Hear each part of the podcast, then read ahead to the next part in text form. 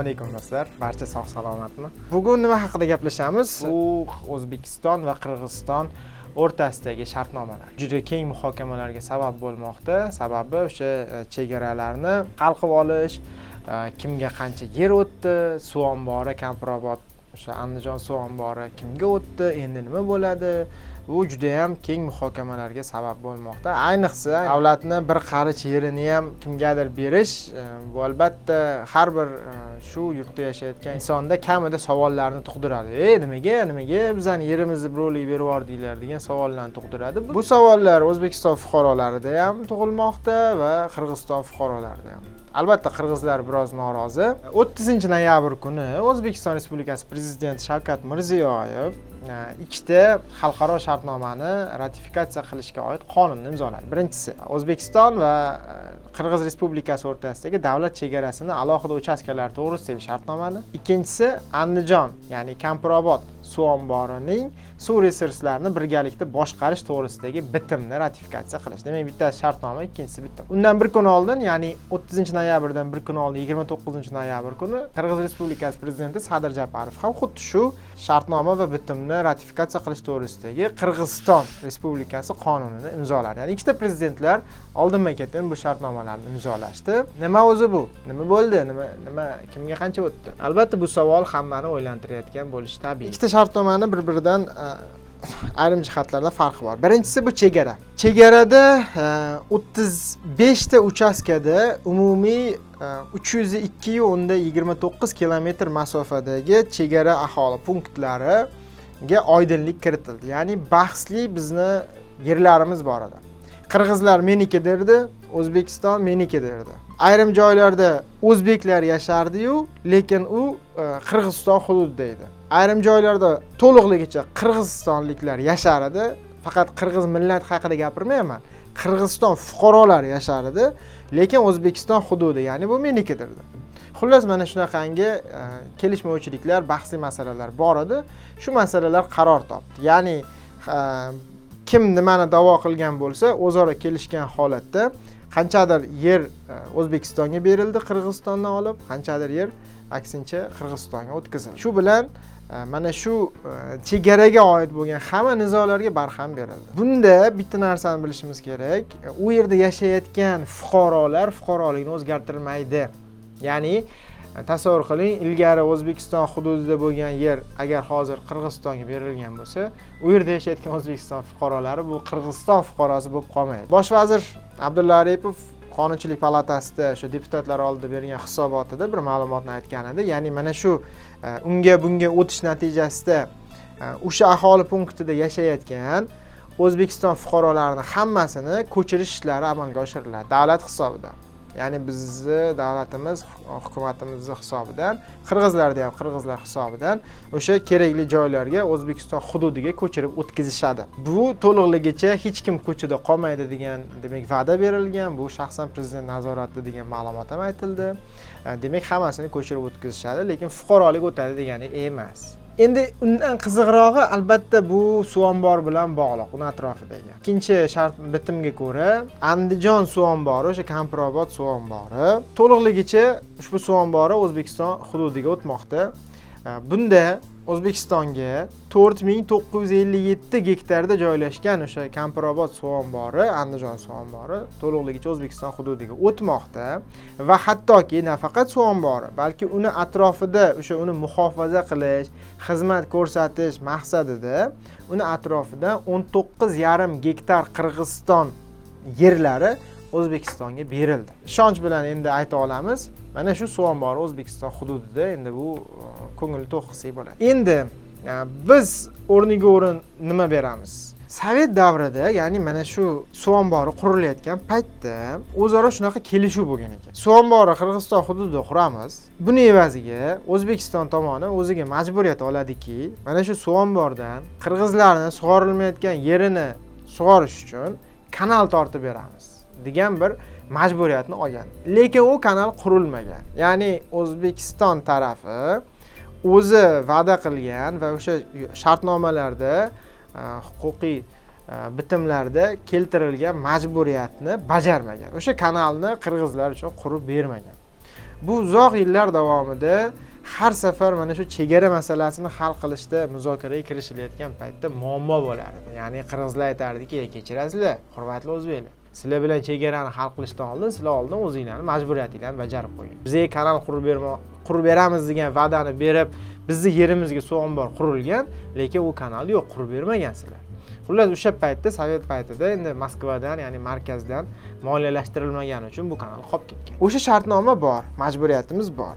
Uni chetlab o'tib hech qanaqa kompromiss yoki kelishuv haqida gapirishni o'zi menimcha noto'g'ri bo'lardi. Qirg'izlar bunga rozi bo'lmas edi ular ham haqqini bermaydi. Kim haqqini beradi? Shundan keyin o'ylangan muzokara bo'lgan hisob kitob qilinganki ho'p agar biz hozir o'sha va'da qilingan kanalni qursak nima bo'ladi deyilsa shu kanal yo'lida bir nechta o'zbekiston e, o'sha aholi punktlari andijon viloyatida farg'ona viloyatidan o'tadigan bir nechta aholi punktlarini ko'chirishga to'g'ri keladi. Kanalga yo'l ochishga ya'ni bizni aholimiz tinchgina e, yashab turgan joyidan ularni ko'chirib o'rnini kanalga berish kerak bo'ladi. Bundan tashqari o'sha kanal ham o'zidan o'zi havoda paydo bo'lmaydiyu u yerda paydo bo'ladi. Ya'ni qanchadir o'zbekistonni yeri o'sha hosildor yeri shunchaki suvga ketardi undan keyin foydalanib bo'lmas edi.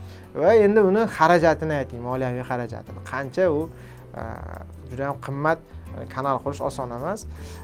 Xullas mana shu hisob kitoblarga ko'ra e, hojiboy tojiboyevni latifasida aytgandek o'ylab ko'rsak невыгодный ekan degan bir qarorga kelingan albatta bu loyihalash institutlari bir qancha tashkilotlar tomonidan hisob kitob qilingan va oxiri o'zbekiston tomoni buni maqsadga muvofiq emas deb topgan. Shundan keyin qirg'izlarga taklif qilgan. Ho'p o'rtoqlar bo'pti biz o'sha kanalni qurmasak majburiyatimizni bajarmasak ya'ni e, sizlar bundan voz kechasizlar majburiyatimizdan faqat evaziga biz sizlarga bo'pti yer beramiz degan bir kelishuvga kelgan. Va g'ovosoy uchastkasidan o'sha namangan viloyatida g'ovosoy uchastkasidan o'n ikki ming sakkiz yuz qirq gektar e, yer maydoni kompensatsiya tarzida berilgan. Shu bilan qirg'iziston tomoni bizdan kanal qurib berishni talab qilmaydi bir umrga biz bundan qutulamiz. Suv ombori to'liqligicha o'zbekistonga o'tadi to'liqligicha e, va e, ularga mana shu o'n ikki ming sakkiz yuz qirq to'qqiz gektar yerni beramiz e, qirg'izistonga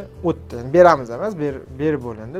Bu qonun qabul qilib bo'lindi. Va yana bir jihati bosh vazir o'sha yig'ilishda hisobot berganda aytdiki mana shu biz berayotgan o'n ikki ming sakkiz yuz qirq to'qqiz gektar yerni salkam yarmi bu bahsli yer bo'lgan. Ya'ni e, oldinroq aytdimku bu o'zbekistonnikimi o'zi qirg'izistonniki o'zimi degan bir savollar ya'ni bahslar bo'lgan. Bu yer bizniki degan hozir o'sha berilgan e, g'ovasoydagi uchastkada e, asosan qirg'iziston fuqarolari yashar ekan. Ya'ni ular shundoq ham qirg'iziston fuqarolari yashaydigan hududlar va bahsli hudud bo'lgan. O'sha yerlardan o'n ikki ming o'sha gektar yer berildi. Uni evaziga hali aytgandek o'zbekiston kanal qurib berish majburiyatidan to'liq qutuldi. Odamlarni ovora qilib ko'chirib yoki nechidir milliardlar sarflash shart emas. Mana shunday kelishuvga erishildi. Faqat qirg'iziston tomoni majburiyat olyapti. Gidrotexnik o'sha g'ovosoy daryosi tabiiy oqimiga to'sqinlik qilmaydi gidrotexnik texnikalar qurmaydi va suvni ifloslanishini oldini oladi. Kampirobod suv ombori bizga o'tgani albatta bu quvonarli. Bizni hududimizga o'tgani sababi e, suv muammosi bu nafaqat bugun balki kelajak muammosi. Mana shu umuman kelishuvlar natijasida bir ma'lumot aytildi. Ikki yarim million tonna qishloq xo'jaligi mahsulotlarini yetishtirish e, imkoniyatini beradigan sakkiz mingga yaqin fermer xo'jaliklarini doimiy suv bilan ta'minlash imkoniyati paydo bo'lyapti o'zbekistonda. Umuman olganda suv paydo bo'lyapti. O'zi u oldin ham bor edi u suv yo'q emas edi. Ya'ni biz avval ham kampirobod suv omboridan suv olib sug'orib e, ishlatganmiz ekspluatatsiya qilganmiz. Faqat minnatli oshi degandek e, bu bir qancha bahslar nizolar E, dedi dedi xullas mana shunaqangi gaplar ortidan suvlar olingan. Qirg'izlar bu bizniki degan u degan suvni chiqarishda muammolarga duch kelingan o'ziga yarasha. E, endi unaqa bo'lmaydi xudo xohlasa chunki to'liqligicha suv ombori biznikiga endi internetda bir e, yana bir o'sha suv omboriga oid bo'lgan bir ma'lumot aytilyaptiki bu birgalikda foydalaniladi. Haqiqatdan ham o'zaro kelishuvlarga ko'ra o'zbekiston va qirg'iziston tomoni Э, ushbu suv omboridan birgalikda foydalanadi lekin buni ham o'ziga xos shartlari bor. Э, birgalikda foydalanadi deganda asosan nima nazarda tutilmoqda? Э, berilgan ma'lumotga ko'ra o'sha bitimda yozilgan o'zbekiston tarafi o'zini hududidagi o'sha endi bizni hududimizga o'tgan suv omboridan qirg'iz fuqarolari foydalanishi uchun imkoniyat yaratadi. Ya'ni to'sqinlik qilmaydi qo'pol qilib aytganda jadnilik qilmaydi.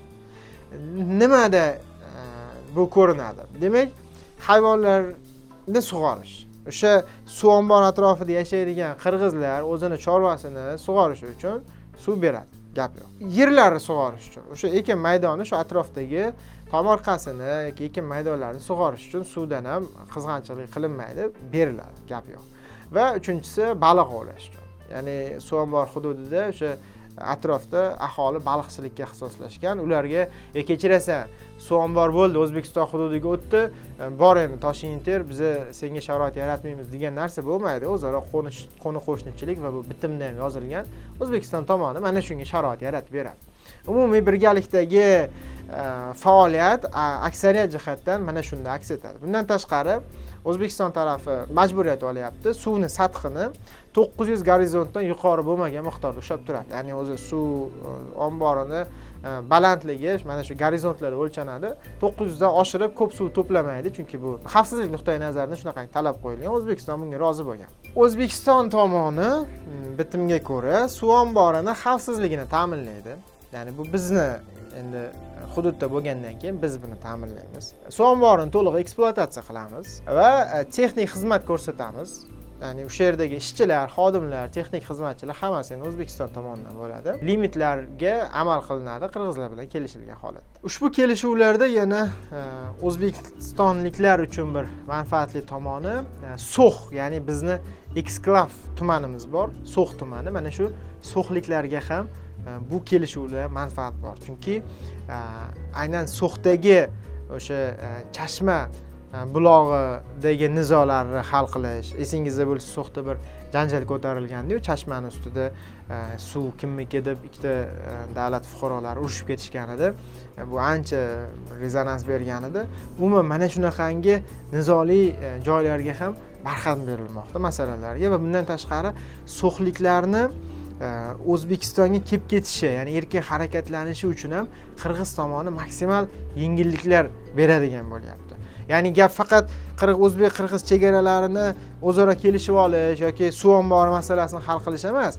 Manfaatdor bo'lgan bitta masala bor edi. Bu qirg'izlarda bunaqa masala yo'q edi. Endi bizda bor edi. Chunki o'sha so'x tumani eksklav e, tuman nima degani bu? Ya'ni so'x tumani to'liqligicha qirg'iziston yerida joylashgan so'xni atrofi qirg'iziston. Biz e, so'xga borishimiz uchun quruqlik orqali albatta qirg'iziston chegarasiga kirib keyin so'xga boramiz. Mana shunaqangi bir hudud o'ziga xos. Ular uchun e, anklav hisoblanadi qirg'izlar uchun biz uchun bu eksklav hudud hisoblanadi. E, mana shunaqangi bir hududimiz bor. Lekin u yerda yashayotgan so'xliklar ham bu o'zbekistonliklar bizni yurtdoshlarimiz. Shuning uchun e, men o'ylaymanki o'zbekiston tarafi maksimal bundan bir manfaatdor bo'lgan bu shartnomadan ko'proq. Qirg'iz matbuotini kuzatadigan bo'lsak bunga juda yam noroziliklar bildirilmoqda hattoki ko'chalarga miting qilib chiqishdi. Ya'ni kampirobod suv omborini o'zbekistonga berib yuborilishiga ular keskin qarshilik qilishdi. Hattoki o'rniga o'rin yer oldik biz desa ham hukumati yo'q bizga u yerni nima keragi bor suvku eng muhimi.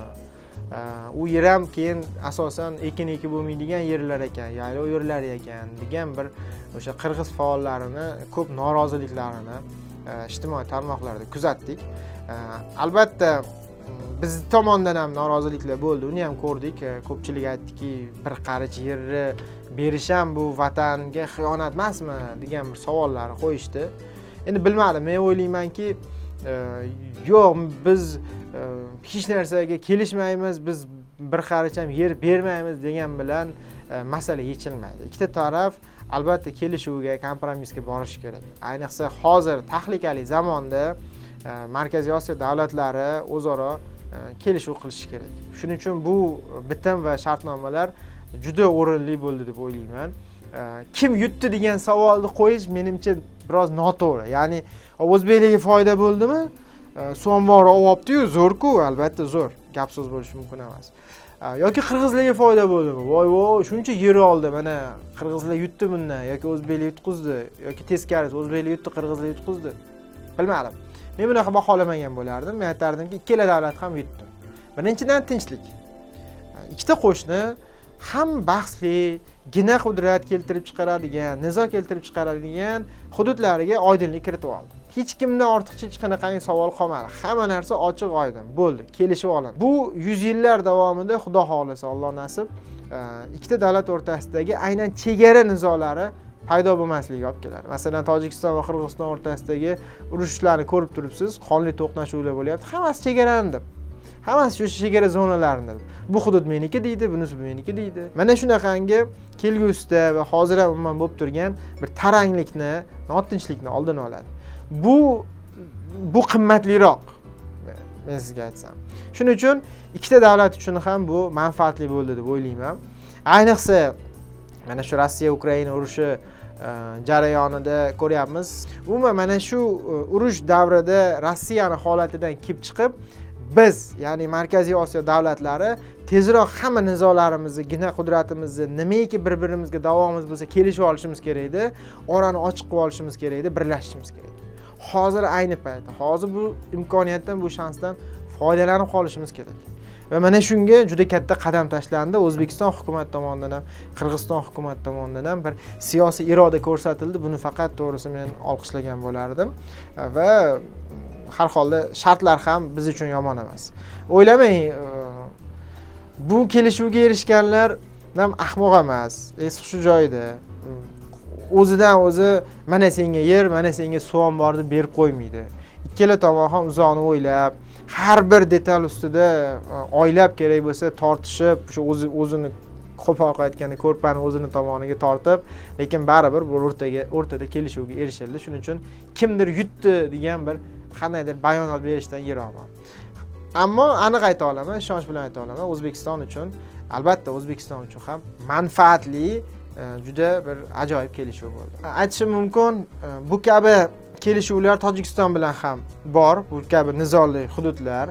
Tezroq e, xuddi shu kabi e, bitim va shartnomalar tojikiston bilan ham bo'lsa ular ham tojik tomoni ham bunga bir siyosiy iroda ko'rsatsa ikki oyog'ini bir etikka tiqqan bilan baribir foyda yo'q. Hali aytganimizdek e, davlatlar o'zaro kelishib bir biriga yon berib eng asosiysi shu xalqini manfaatidan kelib chiqib zarar bo'lmaydigan qarorlarni qabul qilsa va tezroq hamma qo'shnilarimiz bilan mana shunday tinchlikni o'rnatib olsak menimcha bu juda zo'r bo'lar edi ayniqsa hali aytganimdek hozirgi tahlikali davrda biz uchun faqat va faqat tinchlik va birdamlik kerak. O'sishimiz rivojlanishimiz uchun umuman olganda shular e, balki cho'zilib ketgandir ayrim aspektlarini yaxshi tushuntirib bera olmagandirman lekin imkon qadar harakat qildim sizlarga. Sodda o'zimizni tilda e, aslida nimalarga kelishib olganini o'zbekiston va qirg'iziston. Siz uchun foydali bo'lgan bo'lsa xursandman. Keyingi sonlarda ko'rishguncha xayr. Asosiysi duo qilib turing ilohim alloh kuch bersin imkoniyat bersin. E, sizlarga kattakon rahmat. Yaxshi kunlarda ko'rishaylik xayr. Thank you.